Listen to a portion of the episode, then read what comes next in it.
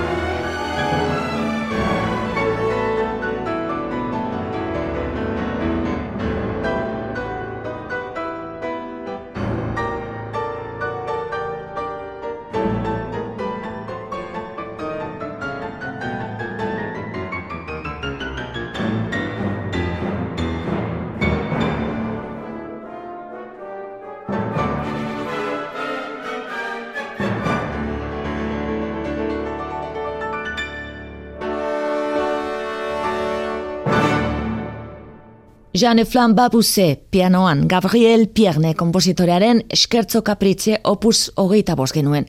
Juan Jomena gaztiztarrak zuzendu du Londresko BBC Orkestra Frantziako erromantizismo bukaerako adibide ederronetan. Klasikoak eite ben. Guazen orain, glukek Orfeo eta Euriditxe operarako komposatu zuen aria sonatu, eder eta bakarrarekin. Juan Diego Flores tenore ospetsuak abestuta entzungo dugu gainera. Gozatu!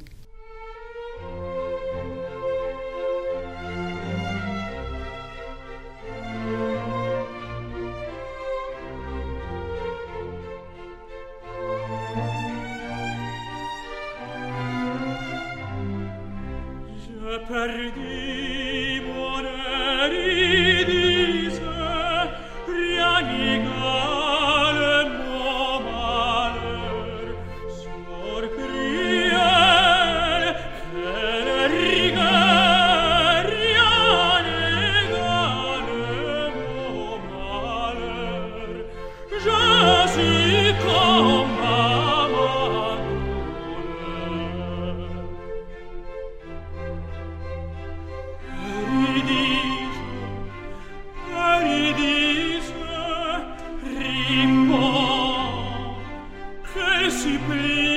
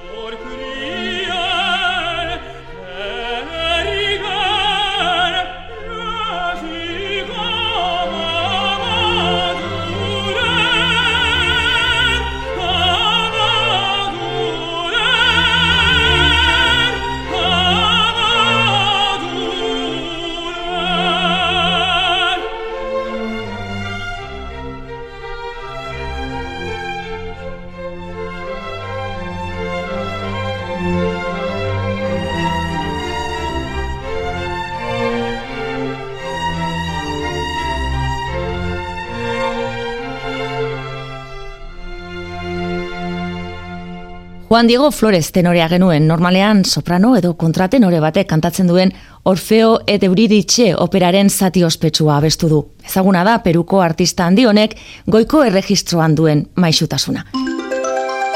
Klasikoak EITB-en. Eta orain Mozart, beste genio bat. Gero berriz, zentzungo dugun flauta eta arpa kontzertuaren ondoren, klasikoetan klasikoenetako bat, ezkontzetako favorito bat. Ez galdu.